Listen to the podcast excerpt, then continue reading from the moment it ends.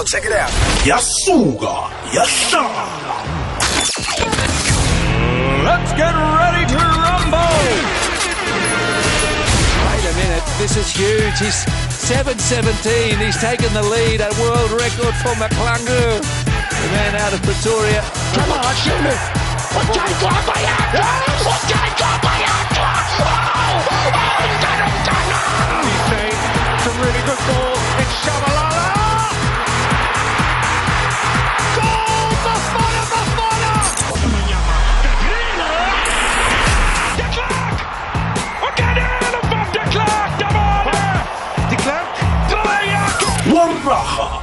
Johnson!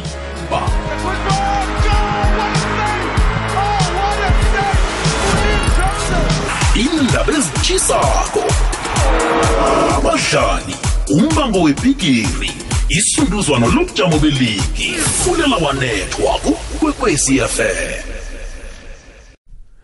Ngiyakulotshisa mlaleli ngiyakwamukela ehlelweni fulela wanethwa emhathweni kwekwezi FM namhlanje kungolusine siziphethe ke indaba njengemhleni asizokudanisa.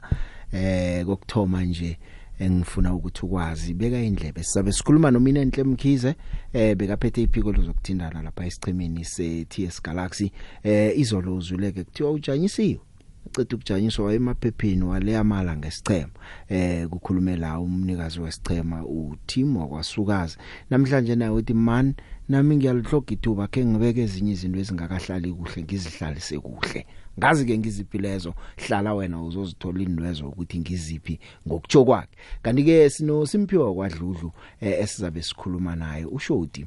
Eh ushoti eh, njengomuntu okhona ebholeni ragwako eh, angumma ayidlalile ambanduli ayianalyst eh, kusiza amaphaliswano webigiri yephasi. Ngikhuluma nawe nje kuyadlalwa ihockey sichema sabendazana sikhona kusasa kuthoma i-T20 women's T20 eh kuseza isiphaliswano lebigiri yephasi le netball eh kuseza iphaliswano lebigiri yephasi banyana banyana izabe idlala nangambala mnyaka wabantu bengubo ke lo eh sithi ka simbambe ke sithi mbondo mbondo naye eh naye kubeke indlebe ke esakuzwa ngaweke ukuthi wena ke na umzwako uthwaya uthini eh nomina enhle dlamini nangu sizabe sikhuluma naye sakuzwa ngawo ukuthi uthini.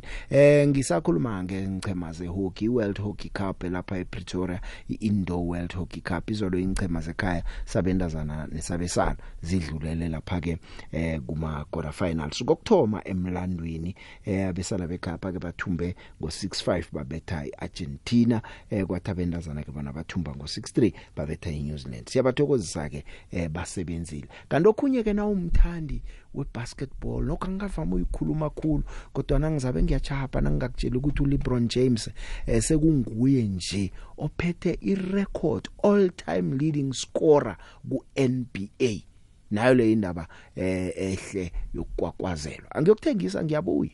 Fulela wanethwa ngikuthembisile ke ngathi ngizokubuya ngimphethe ngesandla eh, uteam wakwasukazi. Indaba ndaba ke ngikubizele yona namhlanje team ngeyekhambo eh, ekhambo leni lokuchinga eEurope belilihle sikwakwazela lapha ukuthi isicema sikhambile siye eEurope sathabe njalo nanzi indaba ziyavela ke eh, ukuthi wabadlali ke ndoda bazithole balibhadalela ikhambile hey Joe um into enzekile Joe i-TS Galaxy sibeke all suspensions i-media and communications officer yethu eh, uMinenze Mkhize. Mara kuthe last week sabona kuvela ama-media reports immediately kanti-ke nase bavela abantu be-media yabazi-ke bezathi imgoti azongitshela ukuthi no? I-source of information ngumuntu lo oku-suspension. Nendaba namala la yoke into le um ngumuntu lo oku-suspension. Into enje sometimes no? Ngenziwa out of immaturity. Dlala dlala big joe asidlali la ezemidlalo kufulela wanethwa Eh ngiyabulisa le big ukhuluma nosifiso la emalahleni usivunguvungu sifiso la emalahleni. Eh the big njengoba i-window period ivaliwe last eh nami bengithanda uku-announce kwenzeke ngama last minute nje the big eh, after before ivalwa i-window period. Eh ukuthi i-contract yami njengomlaleli wehlelo fulela wanethwa. Eh i-extendiwe sivumelene ngenkulumo nefulela wanethwa ukuthi i-contract yami njengomlaleli wayo ifulela wanethwa extendwa nga 2 years. Eh okuthi ukuthi i- i-contract yami nefulela wanethwa the big iyophela 2025 ngoJune. Eh but kunama possibility ukuthi eh, eh, eh, makusele 6 months ye contract ukuthi iphele ingavuselelwa the big. Eh ngiya- ngiyathokoza the big usifiso ngapha emalahleni. Ngiyakana ukukwazi ukuthi ama details econtract konayo lesifiso athini. Eh mhlawumbe uyihlikihle nabaphathi nata mhlawumbe umhlalukwana abasayinisa abantu ama contract nje nabalalihlela so ufika uvule kuphela. Ngazi ilwazi lisi kodwa siyathokoza ukuthi eh, ivuselelo usesekhona eh, uhlezi ehlelweni fulela wanethwa. Eh ya. Isikhukhuni bethe isichema ke kazi nokho ke 6 not iliver brothers leya ke eh bayibethile Peter Mugaba iNetbank Cup leyo. Eh bayalila bayalila.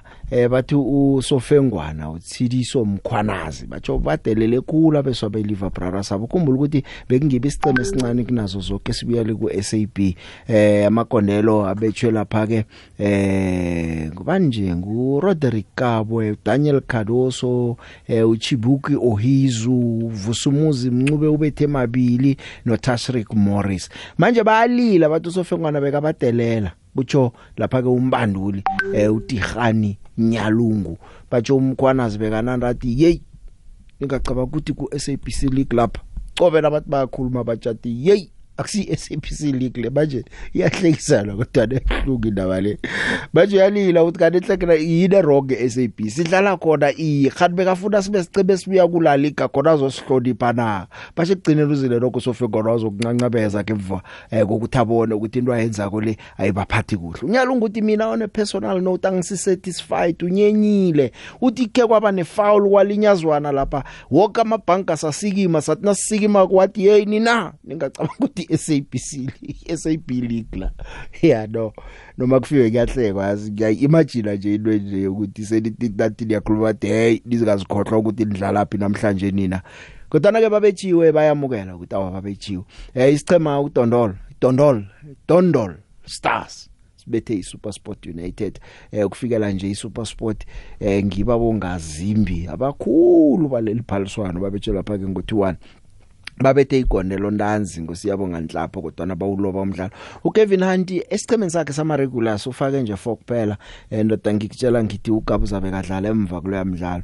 Eh, mhlawumnye bathi ba experimenta ezinye izinto lapho ukuthi zizakwenza. Kodwa nakwenzekile ke babethiwe ke eh, ubethe igondelo usiyabonga nhlapho urilebugile mulife eh, walinganisa eh, ukhulufelo manama wabetha igondelo ke umnama bathumba njalo ke. Eh, asazi ke ukuthi kusuka labo bana abanye abazokuba semtshini khumbula ukuthi eh solokuthonyiwe ukudlalwa ngolosibili Richards Bay iphumile SuperSport United nasise iphumile eh iMamelodi Sundowns sisesekhona yona siyibonile iMarumo Gallants nayo isesekhona siyibonile. Liphaliswano leNetbank Cup. Kanti isolo isichema sika Tau Al Ahly betshiwe betshwe ngo4-1 betshwa iReal Madrid ya. Eh lapha ku Club World Cup ekuma semifinal wesibili. Njeke ukuthi ukuthi Real Madrid seyokudlala neAl Hilal ngomgcibelo kuma finals bese ke iAl Ahly yeEgypt yokudlala nesicema seFlamingo. Lapha kubangwa khona ubujang besithathu. Lihlelo fulela wanethe emhathweni kwekwezi FM fulela wanethwa lihlelo lakho lezemidlalo hlelo fulela wanethwa emhathweni kwekwezi FM yakwamukela mlaleli lapha ulalele ukhona. Eh sithokozeke abalingani bangenileko ke ngaphambi kokuthi sithole leli thuba. Nathi sizokuthulela zemidlalo. Ngithokozeke nawe ukuthola ubeke indlebe. Sinenge into bongazenza ngihlale ngitsho mina ukuthi isekelo lakho nokuthi ngalesi sikhathi ukhetha ukuthinda iqunuphe uvulele ifulela wanethwa eh kuyinto enkulukhulu kimi. Zinenge into ebongazenza mina ngimhatsho ungayilalela kaze uzikhethela kunamlo kukhombe ngesigidi wathi lalela namhlanje. Manje ke lokho kangikunyazi ngithokozenye nenye indlebe elalele. Dlala dlala big joe asidlali la ezemidlalo kufunela wanethwa. Imzuzu nje ilithumi nemzuzu ebunane. Eh nga ngemva kwehour lesihlanu. Eh ngiyaye mayema ke kazi la ngifuna uminenhle angimtholi. Ohlanu kwakhe akamtsheleze nganeno ke. Eh ya sizoyena ukuthi namhlanje ufuna ukuzwakalisa lakhe ihlangothi nayo izwile interview izolo akhenge imphathe kuhle ngokutsho kwakhe. Manje ke siyamfuna simtholi ngisesasicemeni se TS Galaxy sisamfuna njalo. Umbanduli uSeth Ramovich eh ubuziwe ngenkulumo zokuthi ngasicemena sekuhlanga hlangene iSunday Times iveze igepela veke ukuthi abadlali abakahola abanye ma members we staff izolo uteam uthi ayikho into njengaleya ngitsho eh nanguke uRamovich muzona nakakhuluma ngamasalary akhuluma nombiki indaba ukuthi uthini? Do you think it's true? But if you are not sure how I should answer if this will be affected. That's why I'm asking you. But if you look, if you are not sure for yebo anything, big show yebo big show ukhuluma nochipa nochipa why should- imthatha why- ukhuluma nochipa should tata answer for something if you are not sure that this is true. Is, the, is has that affected the mood in camp or not? That's my question. I think we prepare us for, for the game. And about things that is just on that you picked up maybe from a guy that is not more in our team. I think it's just ridiculous to answer this ki- kind of questions if, if you are sure that this is, or if you don't know that, it, that, that this kind of things is true. Siyaraga eh sisamfuna eh sisamfuna hle. Angazi ukuthi sizomthola na eh kodwa ke sizwane naye asizokulahla ithemba. Eh uthe uyawufuna umoya namhlanje uminenhle sathi sizokupha into ehle kukhulu leyo. Kodwa ke ngilalele uRamovich nakakhuluma ukuthi awusisho. Iye musina ungasitsho uyabuza ngisho bayena ubuza ukuthiwa ungangibuza into ongasisho ngayo? Na usho ngayo ubuzelani ngoba usuyayikhuluma ude umuntu kunje kunje kunje kunje. Ngokunye nje imbiki indaba ezihlangana nakho ke kesinye isikhathi eh nazinande ziyokufuna indaba. Uqinisekisile ke nokho uRamovich ukuthi uaphelele teto odlale kuhle isizini le batsho udimo uthiwe ubuyele ku reserve site. Eh kuzwakala ukuthi khona ukungachayisani kuhle phakathi kwabo eh laba babili manje uyatsho ukuthi yonke umdlalo udlale kuhle iye kodwa nase kacabanga ukuthi unguMessi nje eh kuza kuba nomrarwanyana kumele aguidwe uteto imidlalo yokuthoma i10 yesizini le uyidlalile uyithome kamnandi kodwa na imidlalo emine edluleko kufikela nje akakadlali. Udlale nje imidlalo emibili kuphela nje ngo2023 manje uRamovich uthi nisuke nobabuke khulu abesana ba nabantu abahlanu kwabo bababuke khulu bese bayathoma baphuma endleleni The, the first question about Tato, he's a really skillful player, uh, talented, but he is 19, he's young. And uh, sometimes happen that young players, after they play maybe four or five games, started to think about that they are messy. And then we have a, a, a like a, a problem because um, he is young, he is skillful, but he has to learn a lot, especially the training sessions. It was not good enough. Also, when he came in, it was not good enough. And after I talked to him many times, that he has to work hard because for himself, he has to improve for himself. And then of course if he if he improves and show me every training that he wants to play he wants to be in the 11 then he will get a chance just like he did. He when when he came to me when we took him from the second team to our team he trained well he played well but suddenly I don't know, maybe his friends uh, uh, uh, started maybe to put him on on a hype, and he didn't train well. He did not play well, and now he uh, now he is in the second team.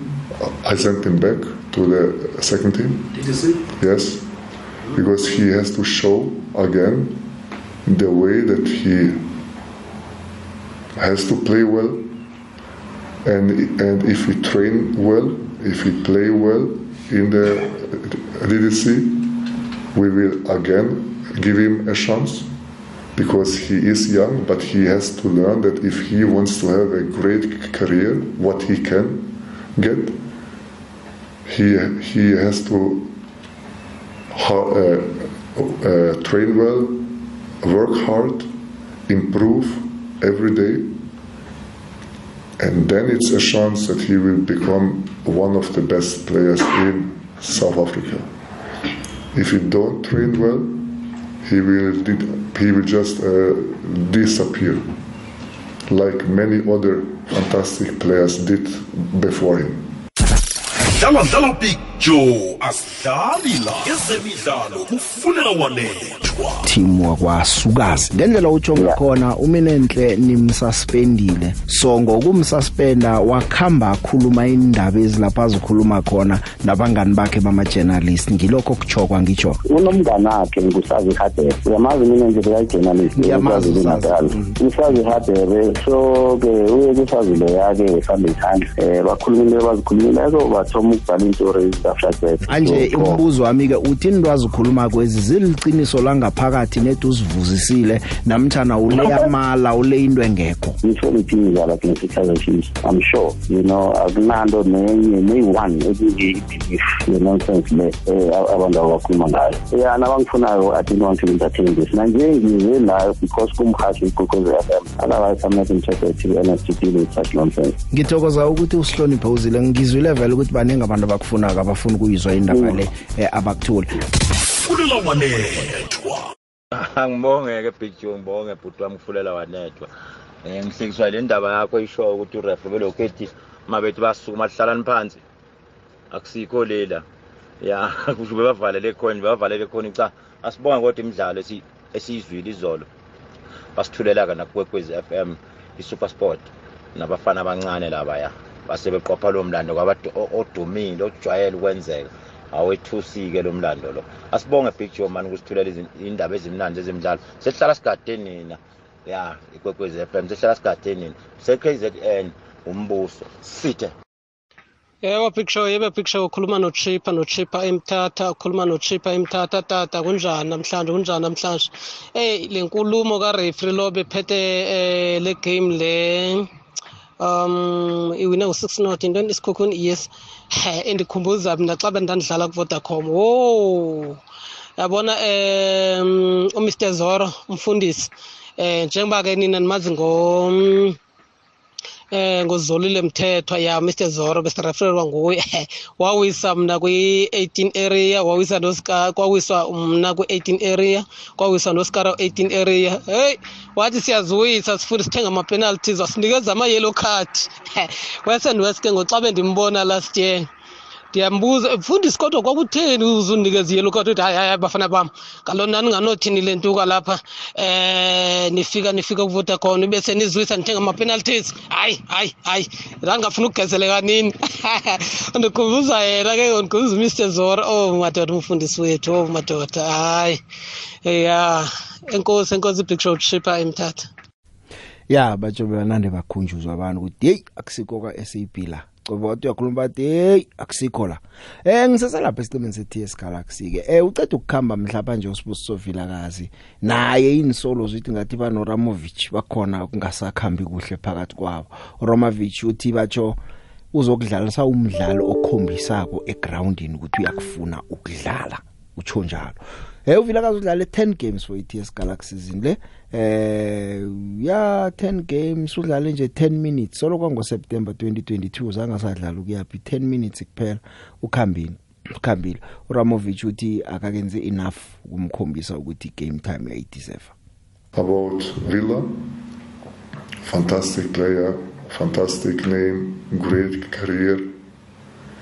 But again, me as a coach, I don't care about age, I don't care about names, I just look at the things what I see on the field. And if we have players on the field that give every day 100% and train well, put a lot of effort, these players will play. The players they don't do every day their best. will, have a, a difficult time, of course. But I think it's not only at my club. I think it's in other clubs. The same rules. Every coach try to pick up the best eleven. Why? Because we all want to win games. And I would be really not smart enough if I just put a player in the field that didn't show me the whole week that he would like to play, that, that I should put him to play. Because how big, how big is the chance if you don't train well that you suddenly will play well? I think it's a small chance. Better to play with players that put a lot of effort, a lot of the right attitude, great lifestyle. I think I was a player. I know if I don't train well, I will not play well. And this is my experience, and this is the way how it is. ulalele ikwekwezi fm emalahleni 91.8 fm fulela wanethwa basukazi yazi team ngingithukiwe lapha ngikhona ukuthi isibindi esingako bekuquotwe nabadlali. Bayaquotwa abadlali. Ngiyathemba nawe uyazibona indwe zabo given msimako abo Max Munyayi abo mlungisi mbunjana kuthiwa labo ke ngabanechudu ke labo abaholileko batsho nane lokudlala ne Golden Arrows na ibetha Fornot ebebadlala amhlokho bahola abangazange badlale abakaholi alo istory singaka umuntu abasileye vela sibeke sihlale ngalindlela? Hey, Big Joe, I'm not here to account. Seriously. Uyamazi mina nje bekayi-journalist um bakhulumile abazikhulumileko bathoma ukubhala iintori zaflagbet anikamcoci nimsuspendile ngitsho uminene suspended mara namhlanje sike uthole-ke ama-charges i-charge sheet efaka zonke izinto efaka nale you spreading disparaging allegations with an intent to damage reputation yekapa it is one of the added disciplinary complaints that the club would uh, lay against you dlala big joe asidlali la ezemidlalo kufunela wanethwa. Losha picture nangunsimbi masilela ekhaylisha via sheldon ngaphasi kwe-power line. Picture eh ukhoja ngiyaye we-ts galaxy ngiyamuzwa. Ngenzeka thola ukuthi izwa ngobashele kuyiqiniso ngoba obvious i- into uzokubuza into oyizwa ngobasho and uzokubuza into onganasho ngayo nawumbika indaba and yena naye angalidefenda isayidi lakhe lomsebenzi wakhe akusilula ukuthi akhulume iqiniso uyangithola akusilula so naye uya- uyafuna ukusebenza lapho ukuthi mhlawumbe inyanga eyi-one abakayiholi naye unethemba lokuthi um mhlawumbe inyanga ezako kungaba nama-double salary naye uvikela umsebenzi wakhe Ah, aba- aba- ababiki ben- bendaba abalandu babuthi msukazi bayekele abadlali bayekele amakhoji nami nangingikhoja angeke ngalikhuluma iqiniso. Ngizophosa amagama back to ama ama ama ama-journalist. Ukuthi ngibuzelani ntwe e- e- eninganasho ngayo or eninesho ngayo. Ngiyathokoza big joe. The big eh kunjani na? Nakukhatasi ngiyalmaster FC eh yabona the big u- uramovic ya uza kuhle? Uza kuhle. Abadlali laba sometimes nabo bavele babe too much of themselves. Yabona? Uright nakathi iplayer elimkhomba ukuthi lizimisela ukudlala from epracticini attitude alidlalise. So nangabe uvila beyangamnikeli eh, ngokwaneleko angimsudla kancane ukuthi angamdlalisi. Naye utedo eh njengoba sho ngakhona ukuthi ngathi bese ngathi uyazikhohlwa wenze kuhle ambusele phasi. Uzathi na ubuyako mhlawumbe nengcondo ngapha uzabe sengathi uthe ukukhula kancane. No hayi uza nayo kuhle the big. Eh ukabinande naba asimlileli ukuyapha usihlabenge wakho eh usihlabenge wakhe ngemehlweni ungabadlala usugabuza phakathi. Nakhona wayefananyazwa ngoba i-FA Cup le into enenye phela is possible. Akusandaba the big ngohadasi simlindile udlamini loyo angabaleki nendaba le angathumile bese izombhalela.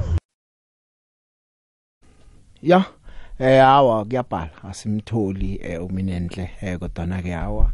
Ama text waphapha imini leyo ke nje ukuthi no ngikhona vele nami istory sasisi balanced eh izolo nangisizwa kwasikangihlalile kuhle ngifuna uziphendulela. Kodwa ke eh awa nje asamtholi ukuthi kwenzekani eh asazi. Okuhleke ukuthi silingeleke thina ukubalansisa ukuthi naye simthole nje ukuthi istora sikho balanced sizwe lakhe ihlangothi. Ngiyaraga ke bengisakutshela ngo LeBron James. uLeBron James eh ya usebenzile hle umswa. Eh ubeka hloka 36 points ukuthi kube nguye iall time leading scorer ku NBA eh kodwa ke ubethe 38 yama points eh kodeni yesithathu ngemzuzu yokugcina nje eh wasebenza umswa. Eh uthe angaceda ukubetha lapho abayi leading scorer umdlalo mosiwajama eh bambungelela umndeni makhamera necommissioner yeNBA uAdam Silver bekalapha eh uKarim Abdul Jabbar ebekunguyo phethe record naye beka khona wangena wombamba ngesandla. Una 38 years eh uLeBron James bekahloka 36 points ukuthi aphule irecord ukwenzile. Eh ngelimi le basketball bayibiza nge fade away jump. Ya betha lapho kwabanjalo ke. Ngikhuluma nawe nje une total ye 38390 points ayibethe lapha ke ku ku NBA ene nguye i leading scorer. Obe emotional obe emotional. Phakamise izandla eh watsho ukuthi no kusebenzekile. Kane bekaphethe i record una 75 years sikhuluma nje u Abdul Jabbar lo. Njeke seliphethwe ku LeBron James ona 38 years. Asazi ukuthi yolula ukufika phi ke sizwe ngaye. I write that man in the arena on my shoe every single night from Theodore Roosevelt. And um, tonight I actually felt like I was like sitting on top of the arena tonight uh, when that shot went in and, and the, the roar from the, from the crowd. Um, I, I'm not sure if I would be able to feel that feeling again. You know, to, to break the record, um, I was able to get to a, a, really good spot on the floor where I'm very comfortable with and get to one of my patented fadeaway shots, you know, and uh, I know a lot of people wanted me to go to the sky hook to break the record or, or one of my signature dunks, uh, but my fadeaway is a signature play as well, and uh, I was able to get it and, and um, it touched nothing but the bottom of the net. Uh, that was uh, that was pretty cool. Siyamthokozisa ke uLeBron James. Eh ngikutshele nakuthoma ihlelo ngathi ngizokubuya noSimpiwe Dludlu eh uyianalyst abuya be coach wenza into ezinenkulu emidlalweni. Simpiwe yeche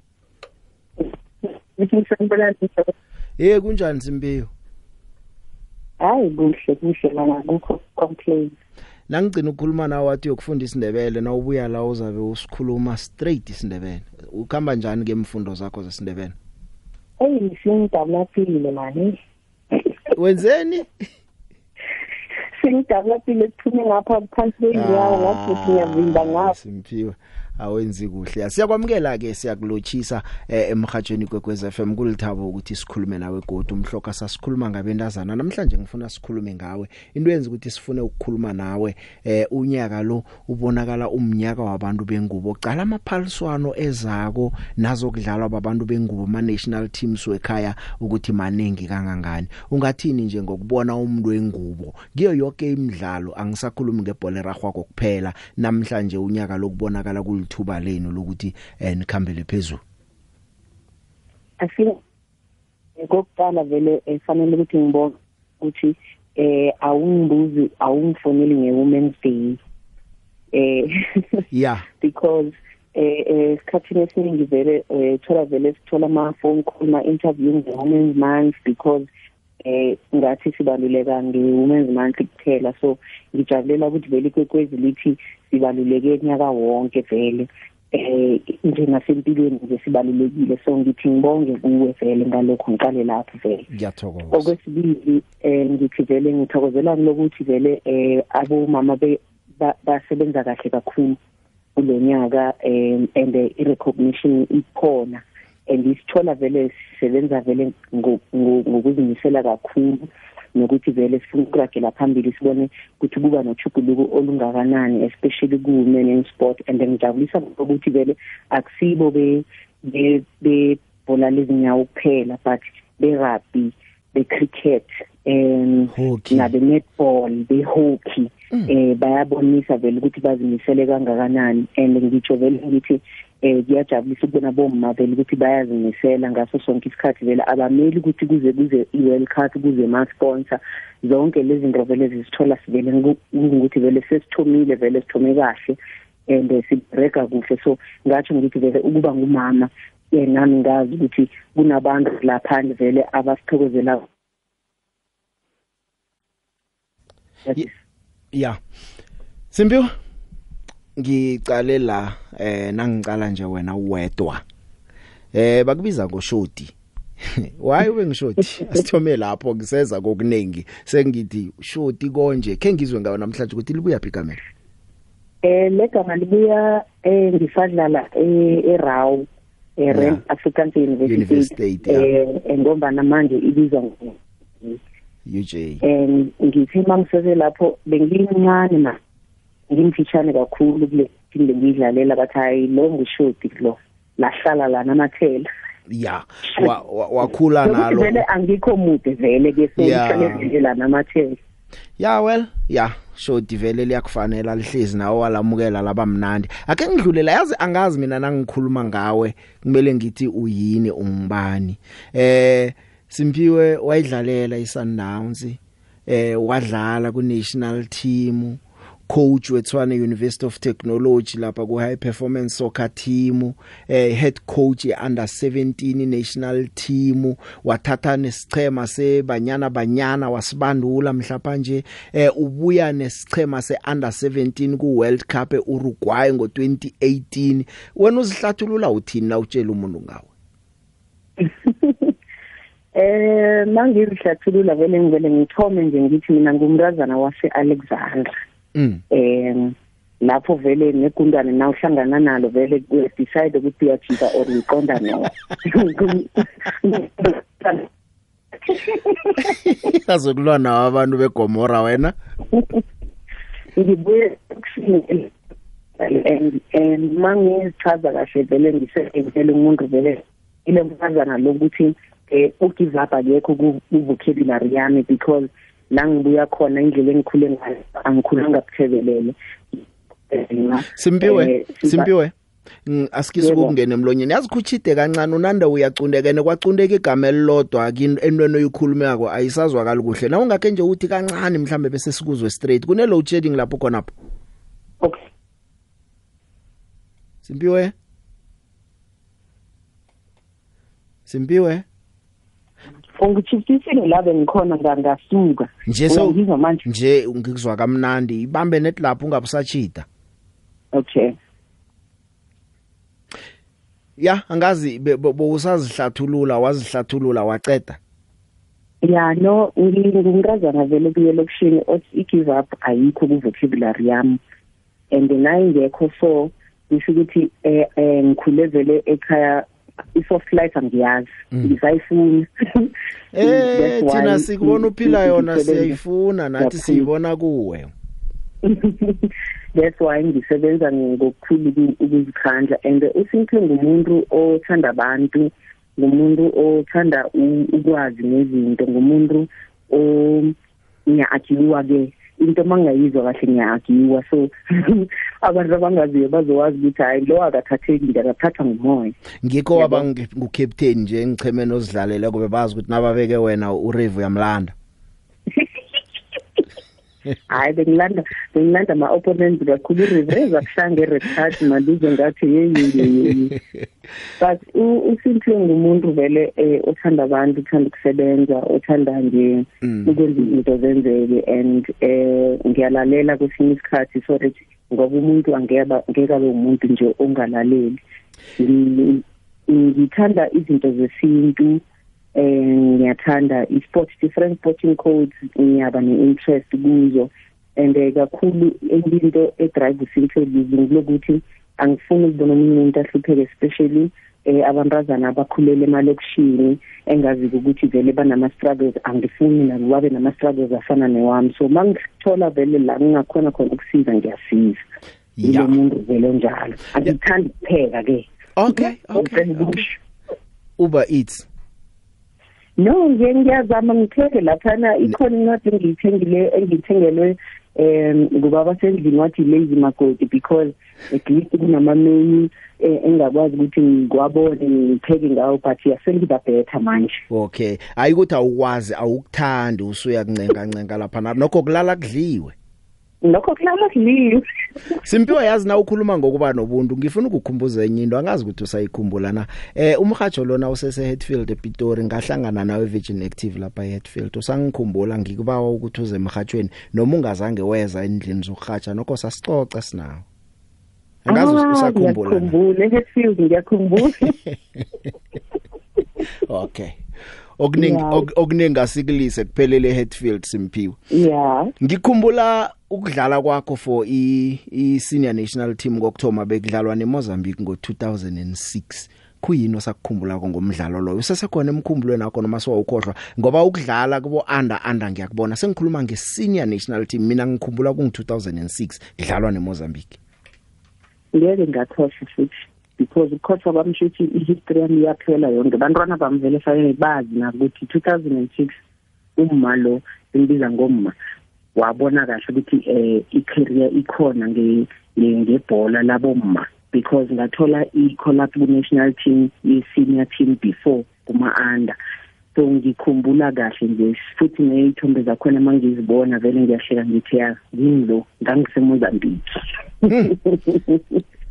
ijeni yathoma lapho hawu wabuya waba ngucaptain. Nanginganamala udlale 63 times for ibanyana banyana.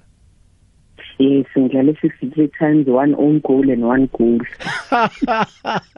Oh wascore lapho walikhansela negoal lakho wena. Leyo kwakuyi-world cup qualifier 2010 sidlala ne-equatorial guinea kwi-semi-final eyi eyi kwakushubile hlangana nabadlali wakho adlala nabo ngiyazi ukuthi igeneration yenu inabadlali abahle bonke pheze. Eh ngibaphi who stand out? Not necessarily ngeskill sokudlala ibhola mhlawumbe nje ubuntu babo eh, neimpact ababanayo ebizelweni lakho. I think ngizoqala ngayo iPhoshandise because uPhoshandise ngomunye ekudala bedlala thina nasifika besimajunior ku-national team bona kungumasini Phoshandise bekangayithathi i-nonsense bekafuna ukuthi nasingena esiqhemeni sokudlala udlale kahle umuntu azimisele kahle grinding from training to ngakuthatha lokho naye. Ngathi lo muntu uyazithemba makenza izinto ngathatha certain things ngayo ngadlala namaplayer afana nabo Amanda Dlamini eh uyazithulela vele asebenze. Compared to Portia Mbise uyathanda ukukhuluma njengami but Amanda Dlamini ngomunye ongathandi ukukhuluma ubona nje sekasebenza ukuthi hayi no kuyasebenza kuyasetshenzwa la. You know ngidlale namaplayer afana nabo eh abo Nthabeleng Modiko. Oyi assistant coach yami manje ku under 17 eh bekanomunye left omuhle kakhulu technique and all of that lezi zinto bezingi-inspire nami and naye bekangumuntu ongathathi nonsense uready uready green green kuphela lapho you know. So mawuhlangana nabantu abahlukahlukene especially kuma-national team uyathatha ezinye izinto uzisebenzise ubone na ukuthi no kuyasetshenzwa and uyahlangana nabanye abathatha ama-chance bazofike bakudelele nabo bayakwakha. You know? Yeah. um eh eh ngasho ngithi ya abompumi yandeni ngidlalile nabompumi udlala ngesmile. Yeah. makadlala egroundini noma kwatile awusaboni umehluko you know? Eh ngabanye ngababala ngithi eh engidlale nabo bebagudi kakhulu no eh because bafike babancane kakhulu kubanyana abanyana nje mangathi ngibala few engibakhumbulayo nje top of my head. Eh i think closer to ending my career mangihlangana nabo abantu abafana nabo Thembi Khatlana bekayijunior kakhulu khulu yekini mm. But eh ispirit sakhe bekangikhumbuza ukuthi man eh i-energy oqale ngayo mawusaqala uyoung fanele uqhubeke ngayo because laba abancane nabeza thathane kubo. Mina bengithatha le energy ngiqhubeke ngayo yabo? Mm.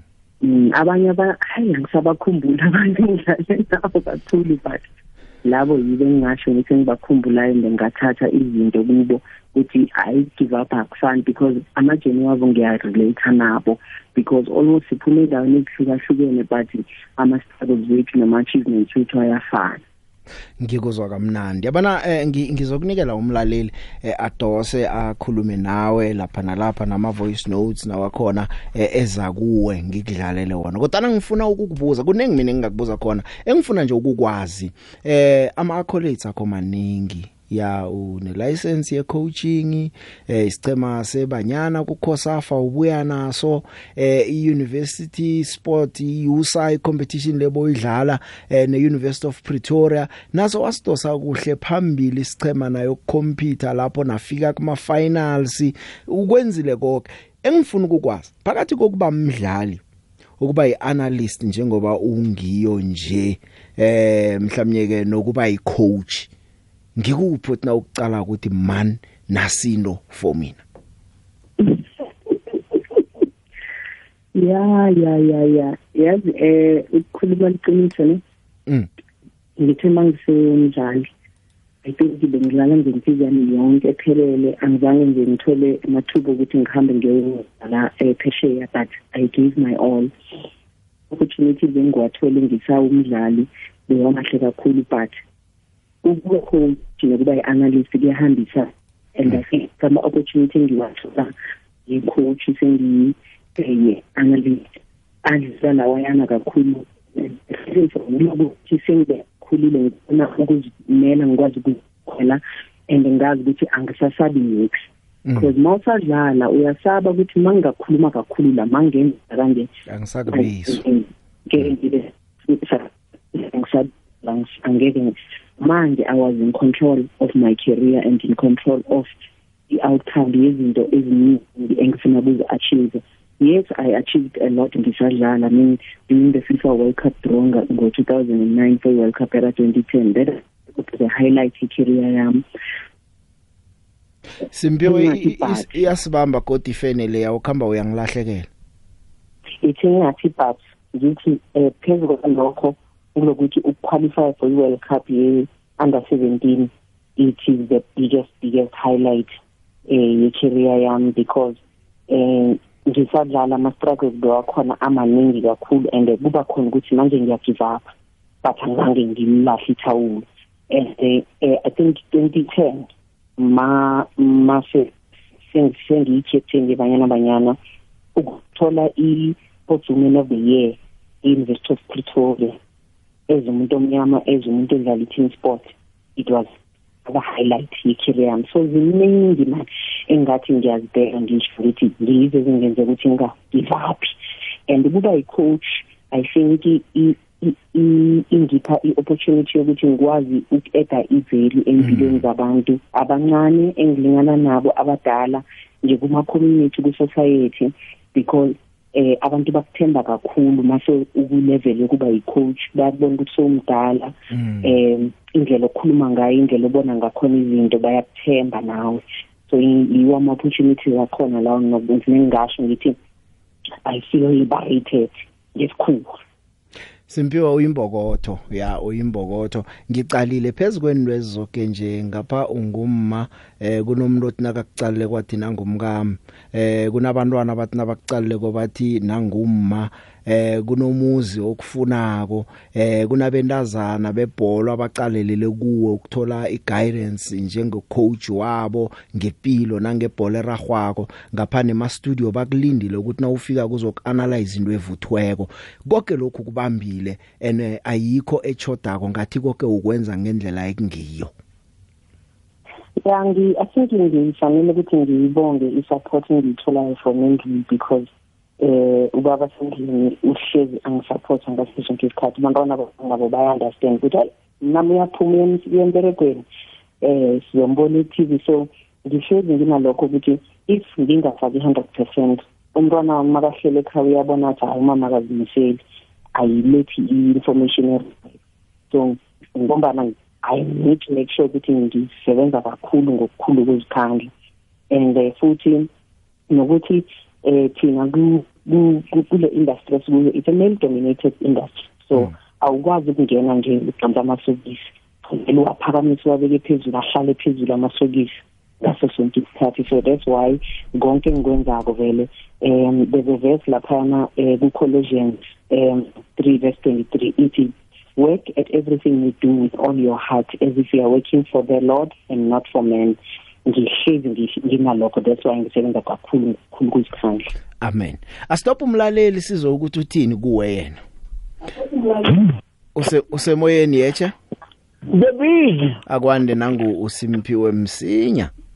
The big uphethe TV ulethe la kukwekwezini ke namhlanje? Eh the big ufipwe kuhle ngiyambona lapho analyze fana analyze ngisesubere kakhulu kwamambala mina ngithi ngimfisela ichudu kuyo yonke into ayenzako uyimbokotho la eSouth Africa. Uma uyidlala ekhulu ibhola badlale lapho nabo Refile Jane so ngibabukela the big kwapurana ukhumana Alfred. Nginawo amaningi ngitsho yimbokotho Alfred siyathokoza.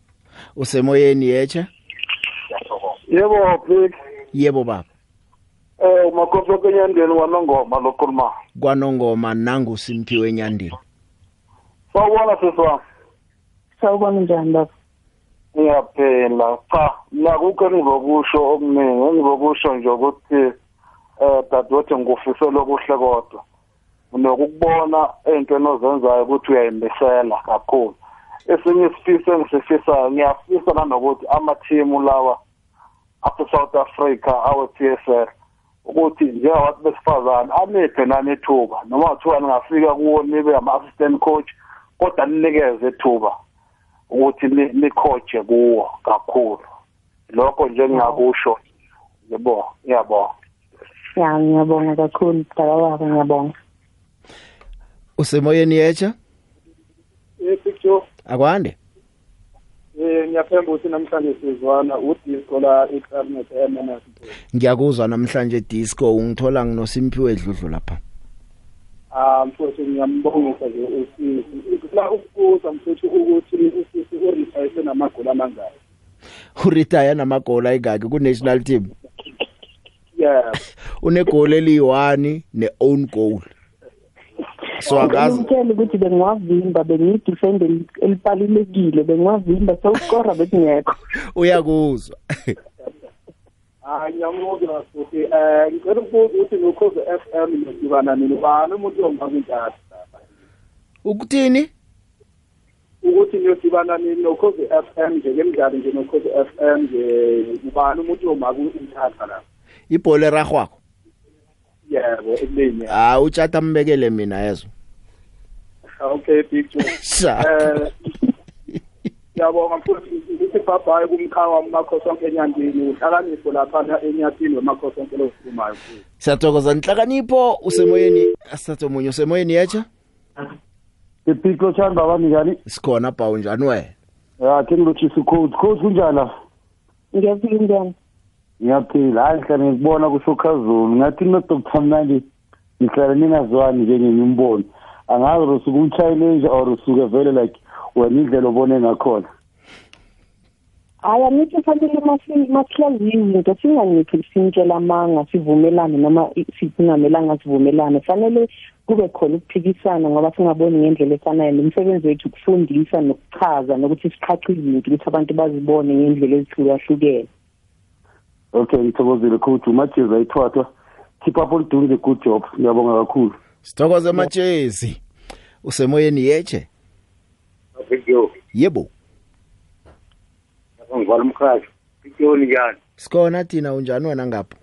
Asithokoze mhm. Ine- nami ngiyanizwa ngilalele ngithanda ukuthokozisa uma lo abantu abavuma so abanethalente abanye elinjengaleli ngiyathokoza siyalibonga video ukhuluma nojohn kahumu ila ilofu ngiyathokoza. Thokozwa ngithi khomo ya simphiwe isikhathi mani eyisikhathi siba nomona. Mina ngaza kubi enough. Ngicabanga ukuthi ngelanga kumele uze uzokuhlala nami la sicalane ngamehlweni yabona esimphiwe ya vumelana nawe kahle kahle. Ya ngathina ucalene nami emehlweni ihlelo silithome besiyolivala ngisolo sicoca kunenge sikuvalile ngaphandle kodwa ke ngiyakuthokozisa ngakho konke okwenzileko eh, njengo eh ngomma weSouth Africa kanonyaka lo uthini nje kubomma nge30 seconds njengoba sicala amaphaliswana ahlukahlukeneka abomma baku spotlight sicale bona khulu ngehlangothini lezemidlalo.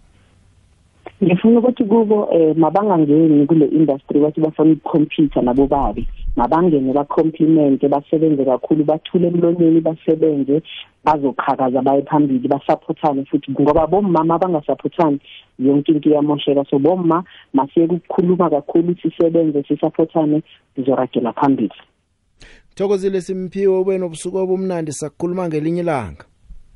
Yabona aha ke nguSimphiwe wakwadludlu esisonga naye ihlelo njengoba ke usazi ke ukuthi besihleleni besikuhlelele kokhunye kwakhona kenge kukhambe kuhle eh akenge simthole umine enhle kodwa kuSimphiwe eh, yena ke samthola ngoba naye vele besivele simhleli. Imlaleli ube nokulalela kumnandi namhlanje ngikuchiya nozolothi masango eh nguye ke ozokuphathela ihlelo zibuya nabazungu.